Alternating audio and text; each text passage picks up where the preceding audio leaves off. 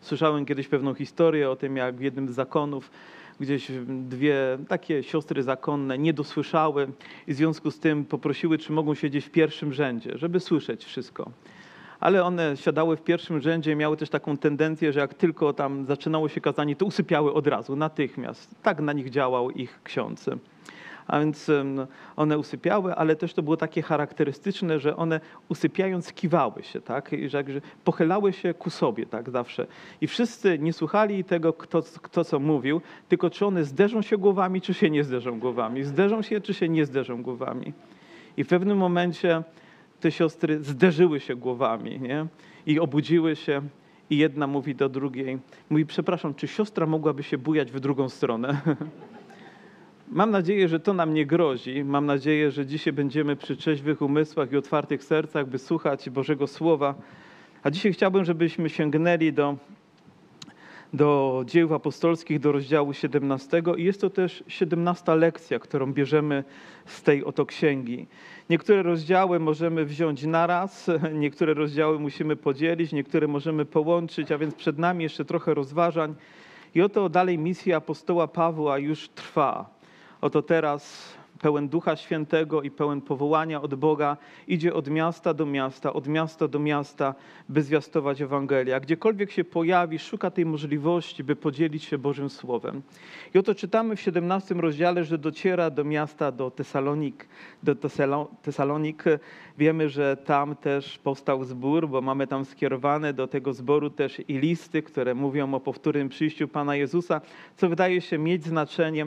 Ale Paweł według zwyczaju swego poszedł do nich i przez trzy sabaty rozprawiał z nimi na podstawie pism, wywodząc i wykazując, że Chrystus musiał cierpieć i zmartwychwstać. Tym Chrystusem mówił jest Jezus, którego ja wam głoszę. I dali się niektórzy z nich przekonać i przyłączyli się do Pawła i Sylasa, również wielka liczba spośród pobożnych Greków i niemało znamienitych niewiast, ale Żydzi powodowani zazdrością, dobrawszy sobie z pospólstwa różnych niegodziwych ludzi, wywołali zbiegowisko i zburzyli miasto, a naszedłszy dom Jazona, usiłowali stawić ich przed ludem. Gdy zaś ich nie odnaleźli, zawlekli Jazona i niektórych braci przed przełożonych miasta, krzycząc, ci, co uczynili zamęt w całym mieście, przybyli i tutaj. A Jazon ich przyjął, wszyscy oni e, postępują, w, e, a, przepraszam, a Jazon ich przyjął. Wszyscy oni postępują wbrew postanowieniom cesarza, głosząc, że jest inny król, Jezus. A lud i przyłożenie miasta, gdy to usłyszeli, zaniepokoili się, lecz otrzymawszy od Jazona i pozostałych odpowiednie zabezpieczenie, zwolnili ich. Już na samym początku dotyka mnie pewna myśl dotycząca służby apostoła Pawła, że on miał pewne zwyczaje w swoim życiu. Że gdziekolwiek się pojawił, jego zwyczajem było, żeby odnaleźć grupę ludzi, którzy są w tym momencie religijni, znają pisma, bo pochodzą z narodu żydowskiego, ale jeszcze nie poznali Chrystusa i w jego zwyczaju było znaleźć się tam, by głosić im Chrystusa. I zadaję sobie pytanie, jakie ja mam zwyczaje? Jakie rzeczy towarzyszą mnie, które są nieodłączne też mojemu postępowaniu?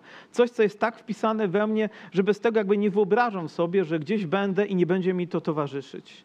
Myślę, że moim zwyczajem i naszym zwyczajem powinno być to, co będzie budować, to, co będzie służyć innym ludziom, i my powinniśmy mieć zwyczaje. Nie chodzi o to, że budujemy nową tradycję, że budujemy jakąś formę religijności, ale mamy pewne rzeczy, które są codziennie powtarzalne w nas, po to, żeby nasza wiara stawała się coraz mocniejsza i głębsza. Że są zwyczaje, które zapoczątkował Paweł i które my możemy w jakiś sposób współczesny kontynuować dla Bożego dzieła. Inaczej możemy mieć problem. Moim zwyczajem jest codziennie czytać pismo. Waszym również? Moją potrzebą jest codziennie czytać pismo. Moim zwyczajem jest codziennie modlić się. Twoją i moją potrzebą jest codziennie modlić się. Moim zwyczajem jest być na zgromadzeniach ludzi wierzących. I nie pozwolę, żeby to zostało mi zabrane, żebym został tego pozbawiony. Naszym zwyczajem powinno być to, że mamy pragnienie dzielić się Ewangelią, gdy spotykamy ludzi, którzy jeszcze nie poznali Chrystusa. Ale wiemy, że dzielenie się Chrystusem, zarówno w tym przypadku, jak i wielu innych, rodzi pewne problemy. A my nie lubimy problemów. Dlaczego? Bo są bolesne, bo są trudne dla naszego życia, bo boimy się, jak ludzie zareagują, gdy my będziemy zwiastować im Ewangelię. I myślę, że Paweł nie był człowiekiem innym od nas. Że on musiał się mierzyć z takimi samymi wewnętrznymi napięciami, a zwłaszcza gdy był odrzucany, to i on pewnie to głęboko przeżywał, ale mimo to on miał postanowienie w swoim sercu, że będzie szedł i będzie wierny temu, do czego został powołany. A więc wydaje mi się, że my również powinniśmy być wierni naszemu powołaniu i bez względu na cenę być gotowi ją uiścić. I oto wiemy, że w tym mieście, gdzie on zwiastował Ewangelię, ci Tesaloniczanie nie byli, przynajmniej w większości, dobrze usposobieni, że gdzieś w nich, powiem, zwłaszcza w tej grupie większości, rodziła się jakaś myśl opozycji wobec tego, co mówi Paweł, a zwłaszcza gdy zobaczyli, że ludzie reagują na Ewangelię, gdy się nawracają, oto niektórzy z nich napełnieni zazdrością. I myślę, że to powinno być tutaj podkreślone, że zazdrość nie tylko pozostaje jakimś chwilowym emocjonalnym odczuciem, ale ono pójdzie głębiej. Ono pójdzie głębiej w nas i będzie powodować rzeczy, które będą miały katastroficzny wpływ na nasze życie. Nie mówcie mi, że nie zazdrościmy, albo przynajmniej nie musimy się z tym zmierzyć. Nawet w kręgach ludzi ewangelicznie wierzących potrafimy zazdrościć innym, bo mają lepszą kaplicę, bo mają większe nabożeństwa, bo mają fajniejsze uwielbienie, bo mają inne rzeczy. My również potrafimy zazdrościć, zamiast się tym cieszyć. A kiedy to powstaje, od razu rodzi się coś w nas niewłaściwego w ich przypadku oni, on doprowadziło to do pewnej niegodziwości, która się zaczęła rodzić i zaczęli zapraszać niegodziwych ludzi do tego, aby oni podburzyli miasto. A więc zobaczcie, że ta zazdrość powodowała, że inni byli w nią angażowani, że gdzieś te słowa wywoływały niewłaściwe reakcje i dochodziło do buntu, do wzburzenia, do opozycji na Ewangelię, na zwiastowanie Bożego Słowa. A więc jesteśmy w niebezpieczeństwie społeczeństwie. Słyszałem kiedyś takie powiedzenie, że jeżeli my chcielibyśmy jakby mm, egzekwować naszą nienawiść czy naszą złość, to musimy wykopać dwa groby nie tylko dla tej osoby, wobec której żywymi, ale też i my jesteśmy zakładnikami, jesteśmy ofiarami takiej oto, oto sytuacji. I oto przyprowadzono ich do domu Jazona, aby ich oskarżyć. I musimy wiedzieć, że w tamtych czasach oskarżenie, które padło, miało znaczenie. Znaczenie było takie, że zagrażało temu miastu, dlatego że ono było pod okupacją Rzymu i wszelkie pogłoski, które by mówiły, że tam powstaje bunt, narażało to miasto na takie konsekwencje, że oto mogło przyjść wojsko i spacyfikować całe to miasto. Mogła się przelać krew na ulicach. A więc oni bali się, żeby jakakolwiek taka pogłoska nie dotarła gdzieś i żeby nie ponieść tego konsekwencji, więc rozumiemy, że to jest związane z emocjami, które towarzyszyły ludziom i jak najszybciej chcieli uciszyć apostoła Pawła. A jeszcze, gdy dowiedzieli się o tym, że on głosi i oni to podkreślali innego króla, Wyobraźcie sobie, że na tronie jest powiedzmy ktoś taki jak Neron, który jest takim narcyzem zapatrzonym w samym siebie, paranoikiem, który myśli o tym, że jest Bogiem całego świata i oto słyszy, że gdzieś w jakimś mieście jest ktoś, kto mieni się, że, albo że obwołuje, że jest inny król niż on. Wyobrażacie sobie, jakie mogą być tego konsekwencje? Ale nic innego Paweł nie robi, jak tylko to, że głosi prawdę bez względu na cenę, którą trzeba zapłacić. Bo moje siostry, moi bracia, nie ma innego króla jak Jezus. Nie ma innego króla.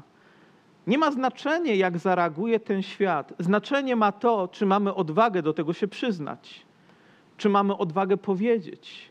I mało tego, oni mówią tak: ci, co uczynili zamęt w całym mieście, przybyli i tutaj. Innymi słowy, no mąciciele. Jacyś tacy ludzie, którzy wywołują zamęt w mieście, przybyli również i tutaj. Czy powołani jesteśmy do tego, by wywoływać zamęt? Nie jest to naszą pierwotną rzeczą, na której skupiamy się, ale czasami jest to również rezultatem zwiastowania Ewangelii, że miasto jest poruszone. Jednym się podoba, innym nie. Ale wyobraźcie sobie, dzisiaj słuchaliśmy pięknego świadectwa, że jest ktoś taki jak Trevor, albo ktoś taki jak ja, ktoś taki jak ty, którzy byliśmy kiedyś ludźmi zgubionymi i potrzebujemy Ewangelii. Ktoś nie ma odwagi stanąć, by nam ją powiedzieć. Więc my dalej pozostajemy w naszych grzechach, bo nie usłyszeliśmy o Jezusie, który jest królem, o Jezusie, który jest zbawicielem, o Jezusie, który za nas umarł, o Jezusie, który dla nas zmartwychwstał. Dlaczego? Bo kochamy święty spokój. Problem w tym, że ten spokój nie jest święty. Mamy odwagę być powołani, by robić czasami mówiąc w cudzysłowie, w cudzysłowie zamęt. Dlaczego? Ponieważ wiemy, że to jest ważne, aby Ewangelia bez względu na cenę mogła być zwiastowana. Nawet jeżeli ludzie stawiają opozycję, nawet jeżeli ludzie buntują innych, nawet jeżeli zazdrość potrafi rozwinąć się tak daleko i zbudzić takie kontrowersje. I oto dalej Paweł idzie, ponieważ w tym mieście nie mógł pozostać zbyt długo. Jego misja była bardzo ciekawa. My chcielibyśmy, gdy ludzie się nawracają, żeby później dobrze o nas mówili, żeby zalajkowali to, co powiedzieliśmy, żeby uznali to, jakie to ważne, że my tutaj taką robotę, że żeśmy wykonali. Prawda, że tak? Tacy jesteśmy. A on wygląda na to, musi przenieść się do kolejnego miasta, a więc przenosi się do Berei. I niektórzy szczególnie podkreślają to miasto, dlatego że tam również według zwyczaju, gdzie idzie do synagogi, aby zwiastować Ewangelię, szuka ludzi religijnych, którzy potrzebują uwierzyć. Szuka ludzi, którzy są duchowo rozbudzeni, ale jeszcze nie doszli do pełni wiary. Wiecie, że żyjemy w narodzie, gdzie jest wielu ludzi religijnych i wydawałoby się, oni mówią, zostawcie nas w spokoju, ale nie, ich potrzebą jest dojść do wiary. Paweł nie uznaje tylko, że no, w Berei powiedzmy są ludzie bardziej zacni, ale i im głosi Chrystusa, którzy byli szlachetniejszego usposobienia niż owi w Tesalonice. Przyjęli oni słowo z całą gotowością i codziennie badali pisma, czy tak się rzeczy mają. Myślę, że kolejną myślą, którą chciałbym nam zostawić, to powiązanie pomiędzy badaniem pisma, a tym, że byli ludźmi, jak tutaj jest określeni, szlachetniejszego usposobienia. Czy nasza szlachetność jest powiązana z tym, że miłujemy Słowo? Że odkrywając Jego prawdę, biorąc do naszego życia, to zmienia nasze życie? Jeżeli studiując Pismo, nasze życie się nie zmienia, to mam wrażenie, jakbyśmy darem nie czytali. Nie chodzi tylko, by pogłębić naszą wiedzę, ale chodzi o to, żeby to słowo zmieniało nasze życie, żeby miało realny wpływ na mój charakter, na moje słowa, Czasami mówimy kazanie, na przykład w środę, mówimy z listu Jakuba z trzeciego rozdziału o tym, że Bóg chce zapanować też nad naszym językiem, on chce być sternikiem, mamy mu oddać kontrolę. I rzucam wyzwanie, żebyśmy przez siedem dni czytali codziennie trzeci rozdział księgi e, listu Jakuba, trzeci rozdział. I tak się zastanawiam, ilu z was od środy do tej pory wytrwało? Wielu dźwignęło rękę, że będzie kontynuować. No, macie odwagę wysłać mi SMS-a, powiedzieć tak, kontynuuję, misja trwa, ale łatwo nie jest. Ale wierzę, że Bóg ma moc zmieniać również kulturę naszego języka, nasze zachowania, łamać pewne stereotypy, zmieniać zwyczaje, zmieniać kulturę, w której żyjemy, zmieniać naszą szlachetność, naszą postawę. I oni przyjęli słowo i codziennie też badali pisma, czy tak się rzeczy mają. Myślę, że to jest wskazówka również dla nas, byśmy przyjmując jakąś rzecz, która jest nam zwiastowana, musieli zadać sobie trud, aby odnaleźć ją w pismach. Ja wiem, że w tym momencie to odnosi się do Starego Testamentu. Odnosiło się do prawa, odnosiło się do proroków, do pism, które zapowiadały przyjście Chrystusa.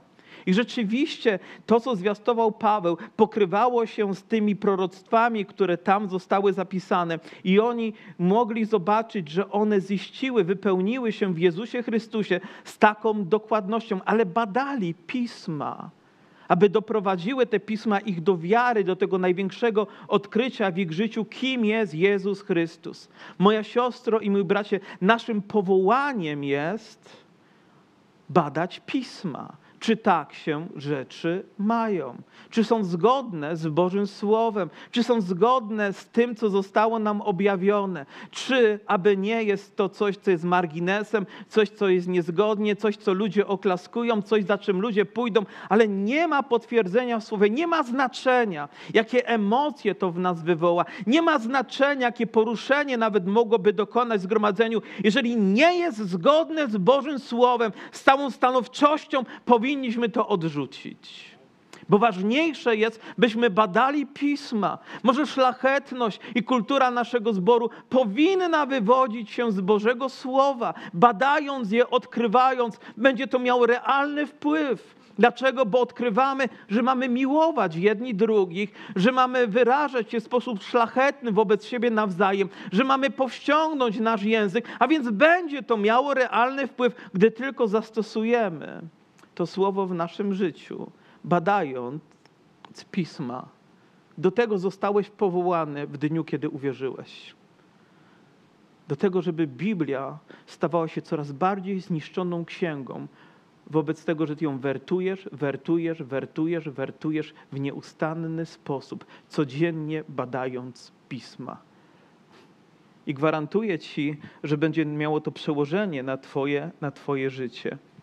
A więc widzimy, ale, ale nie mógł i tam zbyt długo zagrzać miejsca. Dlaczego? Bo byli ci z, z Tesalonik, którzy przybyli tam do Berei, żeby utrudnić Pawłowi tą misję i na pewno zburzyć mu to, co tam rozpoczynał. A więc przybyli znowu Paweł musi się relogować do kolejnego miasta, które są Ateny. Znowu jego misja idzie dalej. I oto pojawia się w tym ważnym mieście w Atenach któż wtedy by nie znał tego miasta. I czekając na nich w Atenach, bo on tam czekał na Sylasa i Tymoteusza, aż przyłączą się do niego, bo zostali w, te, zostali w Berei, aby tam pewnie pocieszać, może umacniać braci w wierze. A więc gdy był w Atenach, oczekiwał na nich i gdy patrzył na miasto w Atenach, czytam o to tak, obruszył się Paweł w duchu swoim na widok miasta oddanego bałwochwalstwu. Chciałbym, żebyście zapamiętali tą emocjonalną, wewnętrzną reakcję Pawła na widok, który zobaczył. Myślę, że ta, te emocje nie są dalekie również nam, gdy patrzymy na rzeczy, które nas otaczają. Kto z Was może powiedzieć, Pawle, wiem o czym mówisz, wiem co przeżywałeś, wiem co towarzyszyło Twojemu sercu. Ktoś z Was miał takie emocje w swoim sercu? Wciąż nieustannie je mamy, gdy widzimy to, co nas otacza. Ale zobaczcie też również, że Paweł nie wyraża tego głośno zachował to w sobie. Nie jest człowiekiem, który teraz krzyczy na o co wy tu robicie? A miał powód, zobaczył mnóstwo religijnych, różnych ludzi, zobaczył mnóstwo świątyń, zobaczył mnóstwo pomników.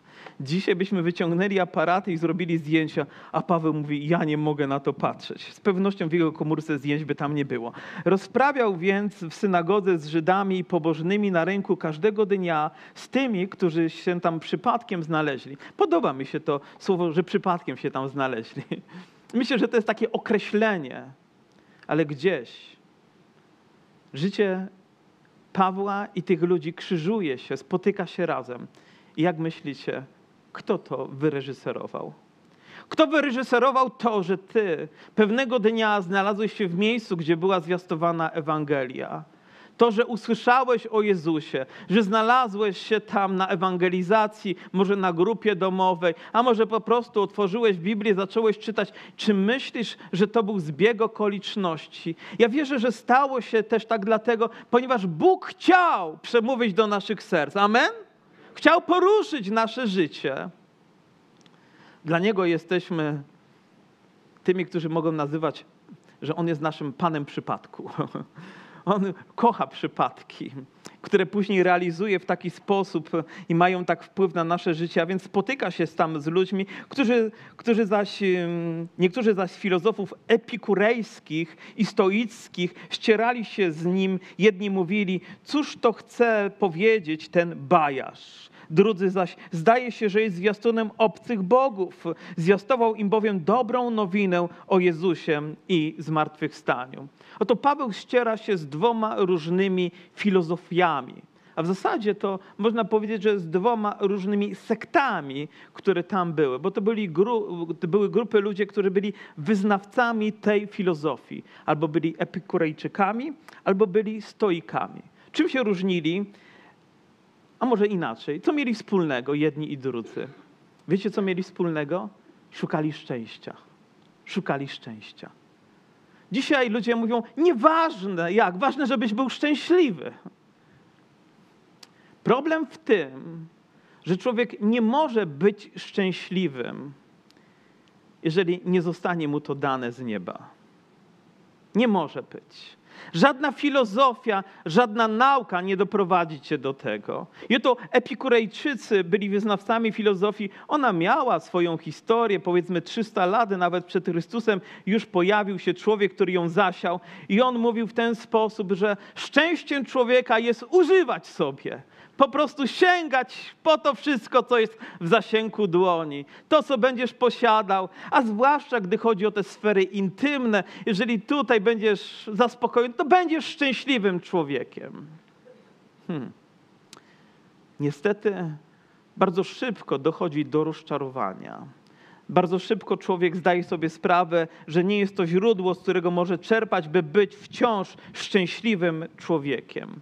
Inna filozofia przeciwna temu to stoicy stoicyzm bardzo duży wpływ miał nawet później na, na chrześcijaństwo, późniejsze chrześcijaństwo, ponieważ on mówił o dyscyplinie nad swoimi sferami moralnymi. Mówi, musisz zapanować nad tym, musisz być rygorystyczny, musisz być bardzo introwertyczny, musisz sam to osiągnąć, a wtedy będziesz szczęśliwym. Każda z tych filozofii obiecywała im coś, co mógł dać im tylko Jezus. Każda z tych filozofii była przeciwna chrześcijaństwu. I myślę, że dzisiaj zarówno ten nurt epikurejczyków, jak i stoików ma jakiś wpływ na świat, w którym żyjemy.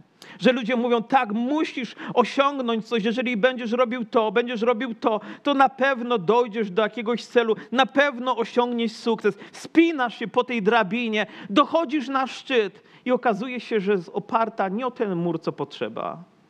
Jakby wszystko było daremne.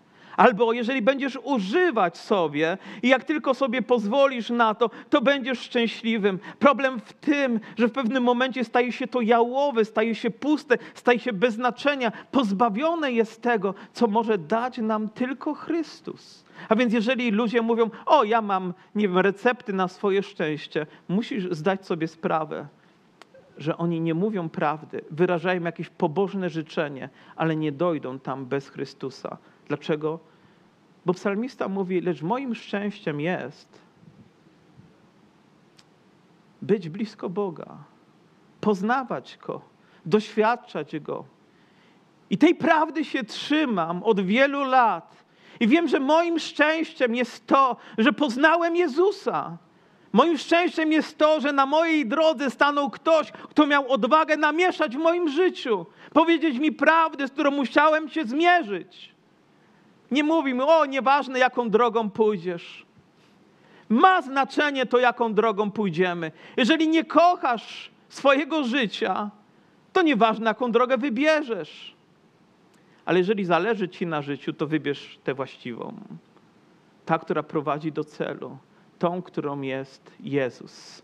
A więc oni zaprosili też Pawła, aby im więcej powiedział o tym Chrystusie, zaprosili go na Reopag, bo mówią, o, kładziesz nam tutaj różne rzeczy, a więc posłuchamy Cię w tym ważnym miejscu.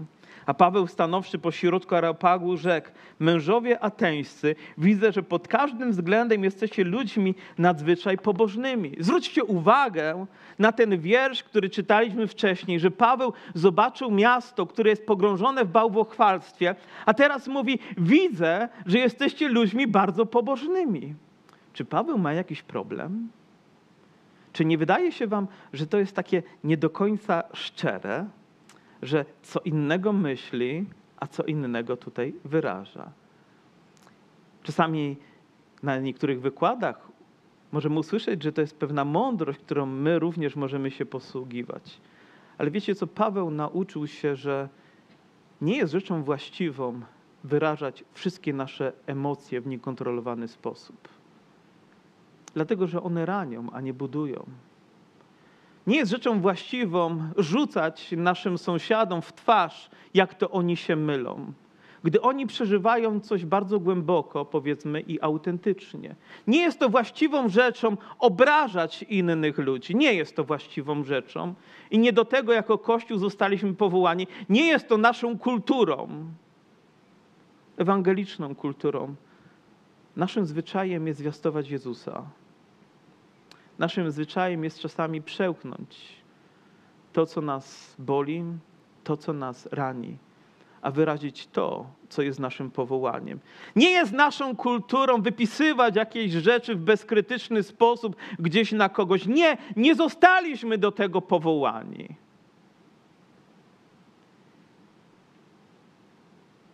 Paweł mówi: Wolę wypowiedzieć kilka słów zrozumiałych ku zbudowaniu. I trzymał się tego wiernie. Był w tym bardzo konsekwentny. My musimy trzymać się mocno Bożego Słowa, musimy je badać, musimy rozpamiętywać, musimy wiedzieć, że jesteśmy ludźmi, którzy czasami muszą przełknąć niektóre trudne rzeczy. Czasami ktoś wyrazi nam coś bardzo bolesnego i od razu mamy ochotę na to odreagować emocjonalnie. A może jest to tylko chwila sprawdzianu naszego życia. Nie chodzi o odpowiedź, ale chodzi o naszą postawę, chodzi o nasze zachowanie. Zobaczcie, gdyby wtedy tam na rynku zmierzył się z nimi, wygrałby tę bitwę na słowa, czy znalazłby się na Aeropagu? Czy miałby okazję do nich przemówić?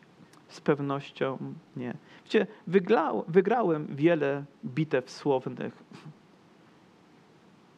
i wiele z nich przegrałem poprzez to, że ukazałem tylko, że mam rację. Wiecie, czego zabrakło? Jak myślicie? Może miłości? Może troski?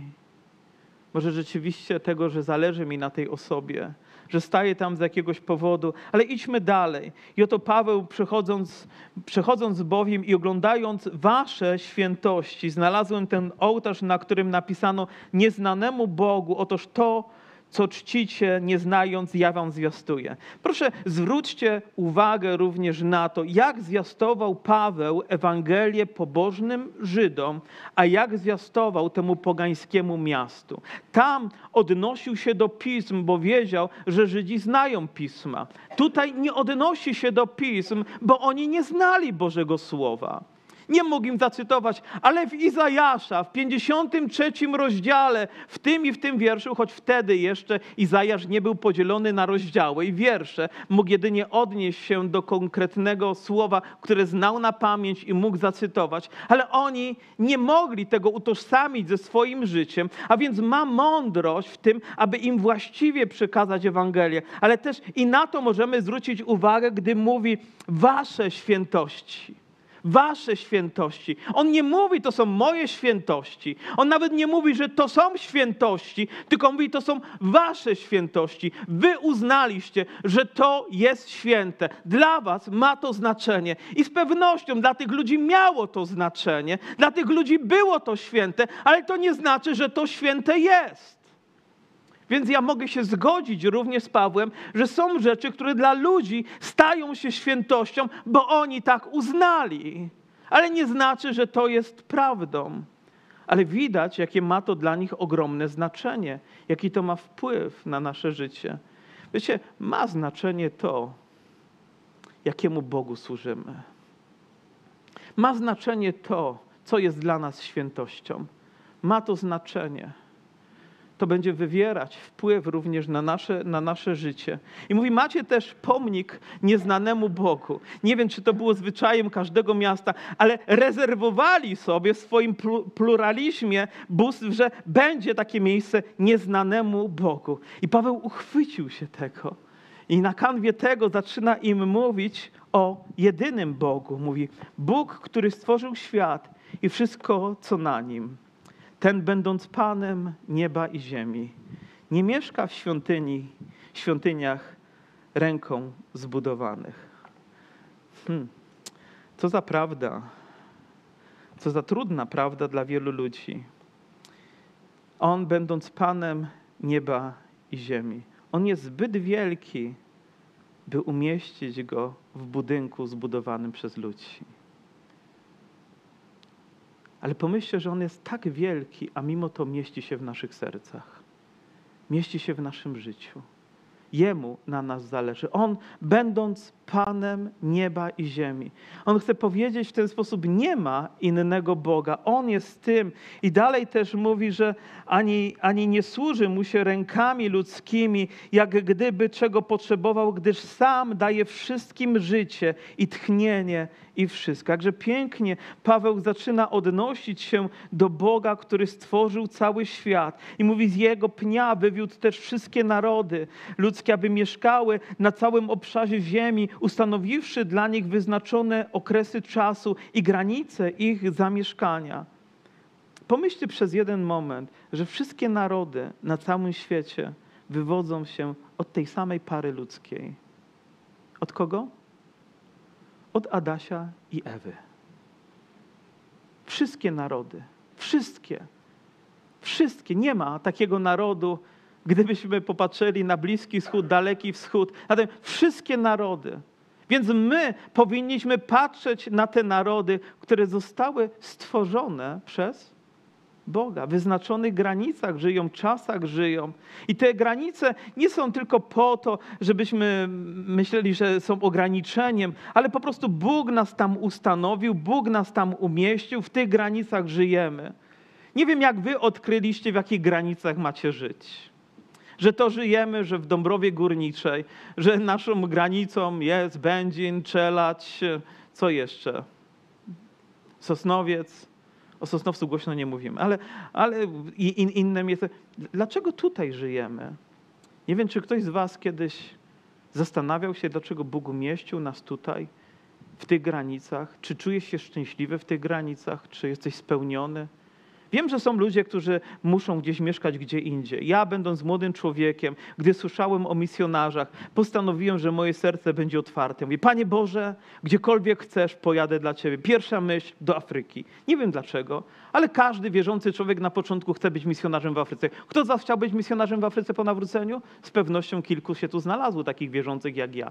Ale później wpadła mi inna myśl, że Pan Bóg powołuje mnie, żeby być w Australii żeby tam zwiastować Ewangelię. Nie wiem, czy kangury mi się spodobały, czy kultura, która tam jest, nie wiem, ale gdzieś moja myśl była, to będę misjonarzem w Australii. Aż przyszło to realne objawienie, będziesz mieszkać w Dąbrowie Górniczej. Czy będziesz mi tutaj służyć? Czy myślicie, że jest to dla mnie rozczarowaniem? Mówię, Boże, skoro nie w Afryce i nie w Australii, to Dąbrowa musi być ważna bo Ty mnie tu ustanowiłeś, powołałeś. I jestem szczęśliwy mieszkając tutaj. Jestem spełniony mieszkając tutaj. Jestem spełniony służąc tu. Gdy Bóg zadecyduje, że będę gdzie indziej, będę tam, będę dla Jego chwały, będę, ale dobrze jest znać miejsce, w którym jesteśmy, miejsce naszej służby, miejsce naszego powołania, to, że Bóg nas tutaj stawia. Być może Bóg przyprowadził Cię, aby pokazać Ci, o, masz tutaj być, to jest miejsce, tu masz badać pisma, tu masz odkrywać, tu masz nabierać szlachetności, tu ma zmieniać się Twoje życie, tu masz służyć. Tak, jeżeli to odkryjesz, będzie będziesz, myślę, człowiekiem spełnionym. A więc Bóg również powołał Pawła, by znalazł się w Atenach, ich tam umieścił, aby mogli spotkać się razem z nim. On jest tym, który daje życie, daje tchnienie. Z jego pnia wszyscy jesteśmy. I mówi, żeby szukały Boga. Wszystkie narody są powołane, żeby szukały nie jakiegoś Boga, nie zaklętego w jakiś kamień, w jakieś drewno uczynione rękami człowieka, nie zamknięte w jakimś pomieszczeniu, ale szukały tego, który żyje, ten, który jest tchnieniem, ten, który jest mocą w naszym życiu, aby mogły go odnaleźć. Czy go może nie wyczują? Ciekawe słowo, prawda? I nie znajdą, bo przecież jest on, nie jest on daleko każdego z nas albowiem w nim żyjemy i poruszamy się, jesteśmy, jak to i niektórzy z waszych poetów powiedzieli, oczytany człowiek, z jego bowiem rodu jesteśmy. Uchwycił się to, co było znane im, aby objawić im to, co jest prawdą, tym, co jest Bożym Słowem. Będąc więc z rodu Bożego, nie powinniśmy sądzić, że bóstwo jest podobne do złota albo srebra, albo do kamienia, wytworu sztuki ludzkiego umysłu. I proszę, moi przyjaciele, nie mówcie mi, że ten obraz albo ta rzeźba ma wam przypominać o wielkości, o zacności, o chwalebności Boga. O tym, jakim jest Bóg, powinno przypominać Wam słowo, które badacie, pismo, które czytacie, objawienie, które tam jest. Jest wystarczające, abyśmy mogli go poznać. Amen. Wszystkie inne rzeczy są zbędne, są ograniczeniem, a czasami wiemy, że są też tym, co Bogu się nie podoba i z czym chce się rozprawić. Gdyż wyznaczył, wyznaczył dzień, w którym będzie sądził świat sprawiedliwie przez męża, którego ustanowił, potwierdzając to wszystkim przez wskrzeszenie go z martwych. Dwie rzeczy, które chciałbym, żeby również z tego fragmentu zapadły dla nas. To to, że przyjdzie dzień, kiedy Bóg będzie sądził sam świat sprawiedliwie, że On będzie wyciągał konsekwencje wobec tych, którzy Go odrzucają, wobec tych, którzy Go lekceważą. Ja wiem, że mówienie takich rzeczy nie jest populistyczne, że ludzie nie chcą tego słuchać, ale nie możemy nie mówić ludziom prawdy. Musimy powiedzieć ją w miłości, ale tak przyjdzie dzień i dla mnie przyjdzie ten dzień i dla Ciebie, kiedy będę musiał stanąć wobec mojego Pana, będę musiał spojrzeć Mu w twarz i będę musiał zdać przed Nim całe moje życie. Ono będzie jak na dłoni. Każde moje słowo będzie mi przypomniane, każdy czyn będzie mi przypomniany. I oby znalazła się tam łaska. Oby ona zakryła moje grzechy, oby ona sprawiła, że nie zostanie mi to przypomniane w bolesny sposób. Ale nie, Bóg już nie puszcza tych czasów płazem, ale będzie wyciągać konsekwencje wobec tych, którzy nie przyjęli. I dzisiaj problemem nie jest tylko to, że Ewangelia ci jest zwiastowana, ale problemem jest to, że ty nie chcesz jej przyjąć, ponieważ wolisz może epokreizm, może wolisz szukać szczęścia na własną rękę, dochodzić do tego, może myślisz, sam dojdę do tego, będę miał tak duchową dyscyplinę, że w końcu się ogarnę, ale nic z tego, to możesz odnaleźć tylko w Jezusie. Tylko w Jezusie. Tylko w Nim. A gdy usłyszeli o zmartwychwstaniu, i oto niektórzy mówią trzy reakcje ludzi na Ewangelię. Jedni naśmiewali się. Ha, ha, ha. Z pewnością nie tak to brzmiało, ale pomruk jakiś, może jakiś rechot gdzieś wydobywał się, bo mówił o zmartwychwstaniu. To niedorzeczne. Ale my wiemy, jakie to prawdziwe. My wiemy, jakie to realne, kiedy to przyjmujemy. Jak to dobrze, że Paweł, nawet wiedząc, że taka będzie reakcja, nie zniechęcił się, by mówić to do nich. Drudzy zaś mówili, o tym będziemy Cię słuchać innym, innym razem. A więc jedni wyśmiewają, inni ignorują, mówiąc: O, jeszcze nie teraz, mam jeszcze czas, może w późniejszym czasie zastanowię się nad tym. Jakby potrzebują więcej przestrzeni. I nie możemy z tym nic zrobić. Ale dzięki Bogu za to, że znaleźli się tam tacy, którzy poszli za, Panem, za Pawłem, innymi słowy, poszli za słowem, które było im zwiastowane, lecz niektórzy mężowie przyłączyli się do niego i uwierzyli, a wśród nich również Dionizy, Areopagita i niewiasta imieniem Damaris oraz inni z nimi dwa imiona i jakaś grupa ludzi. Te osoby widać były znaczące. Jakiś człowiek miał odwagę na oczach innych pójść za Pawłem. I gdy oni odprowadzali go z wrokiem i jeszcze słychać było śmiech, który gdzieś tam rozbrzmiewał echem na aeropagu, inni oczywiście mówili, nie, nie, mamy jeszcze na to czas. Są ludzie, którzy mają odwagę iść za Chrystusem całym swoim sercem. I myślę, że właśnie ta postawa tutaj jest tą, na którą my powinniśmy zwrócić uwagę, do której my jesteśmy powołani. Bez względu na to, co mówi świat, bez względu na to, co nam podsuwa, my mamy odwagę stanąć i powiedzieć: To słowo jest dla mnie, ta nauka jest dla mnie, to życie jest, którego potrzebuję. Iść za Jezusem Chrystusem bez względu na to, co pomyślą inni. Myślę, że świat dzisiaj będzie podobnie reagować. Nie spodziewam się niczego innego. Będzie się burzył, będzie okazywał swoje niezadowolenie, będzie mówił, co wy mi tutaj mówicie, dlaczego mi przeszkadzacie, dlaczego takie słowa wkładacie w moje, w moje serce czy w moje myśli. Ja chcę spokoju, ja chcę sam do tego dojść. Inni będą szydzić w nas, gdy, będą, gdy będziemy mówili, inni będą lekceważyć, ale znajdą się osoby, które pójdą za Jezusem Chrystusem, które oddadzą Mu swoje życie i myślę, że ta postawa powinna przyświecać nam temu, abyśmy nie rezygnowali, nie poddawali się, ale byli gotowi dalej zwiastować Ewangelię, by ludzie mi, mieli gotowość, mieli pragnienie pójść za Nim. Aleluja. W zasadzie mo- moglibyśmy tu zrobić wezwanie, bo i 17 rozdział nam się skończył i udało nam się jeszcze przed hejnałem nawet zakończyć. Ale oto wyzwanie, przed którym stajemy my też jako współczesny Kościół. To, do czego jesteśmy powoływani przez Jezusa Chrystusa. Wiecie, ja mam dość myślenia tylko o tym, że przychodzimy zaśpiewać parę pieśni, posłuchać kazania, trącając się głowami.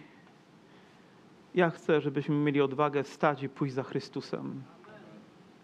Żebyśmy zrobili to całym naszym sercem, poświęcając Mu całe nasze życie. Gotowi byli zapłacić cenę. Nie wiem, co ta kobieta i ten mężczyzna myśleli, co może ich spotkać ze strony tych, którzy wyśmiewają. Wiecie, jakie mogły być konsekwencje, ale mieli odwagę to zrobić. I dzisiaj wzywam Cię. Wzywam moje serce. Idź za Jezusem. Idź w prostocie serca, badaj pisma, trzymaj się Bożego Słowa, módl się codziennie, trzymaj się tego, co zostało Ci objawione, a to jest wystarczające, abyś mógł prowadzić szczęśliwe życie. Pamiętajcie, naszym szczęściem nie jest epi- epikureizm, nie jest stoicyzm, nie jest New Age, Naszym szczęściem jest to, że mogliśmy poznać Jezusa Chrystusa i możemy z Nim żyć każdego dnia. Amen? Powstańmy, powstańmy.